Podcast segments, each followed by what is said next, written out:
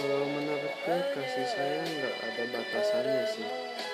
Bagaimana kamu ingin memberi kepada seseorang itu? Ya mau lebih atau mau kurang, mau pas-pasan, itu semua hati kalian sendiri yang tahu. Kasih sayang mencakup seluruhnya, hmm, seperti dari hati, mata, pikiran, perasaan, hawa nafsu. Itu mencakup seluruhnya. Ya mungkin teman-teman yang lain belum pernah merasakan jatuh cinta itu. Ya cuma sekedar suka.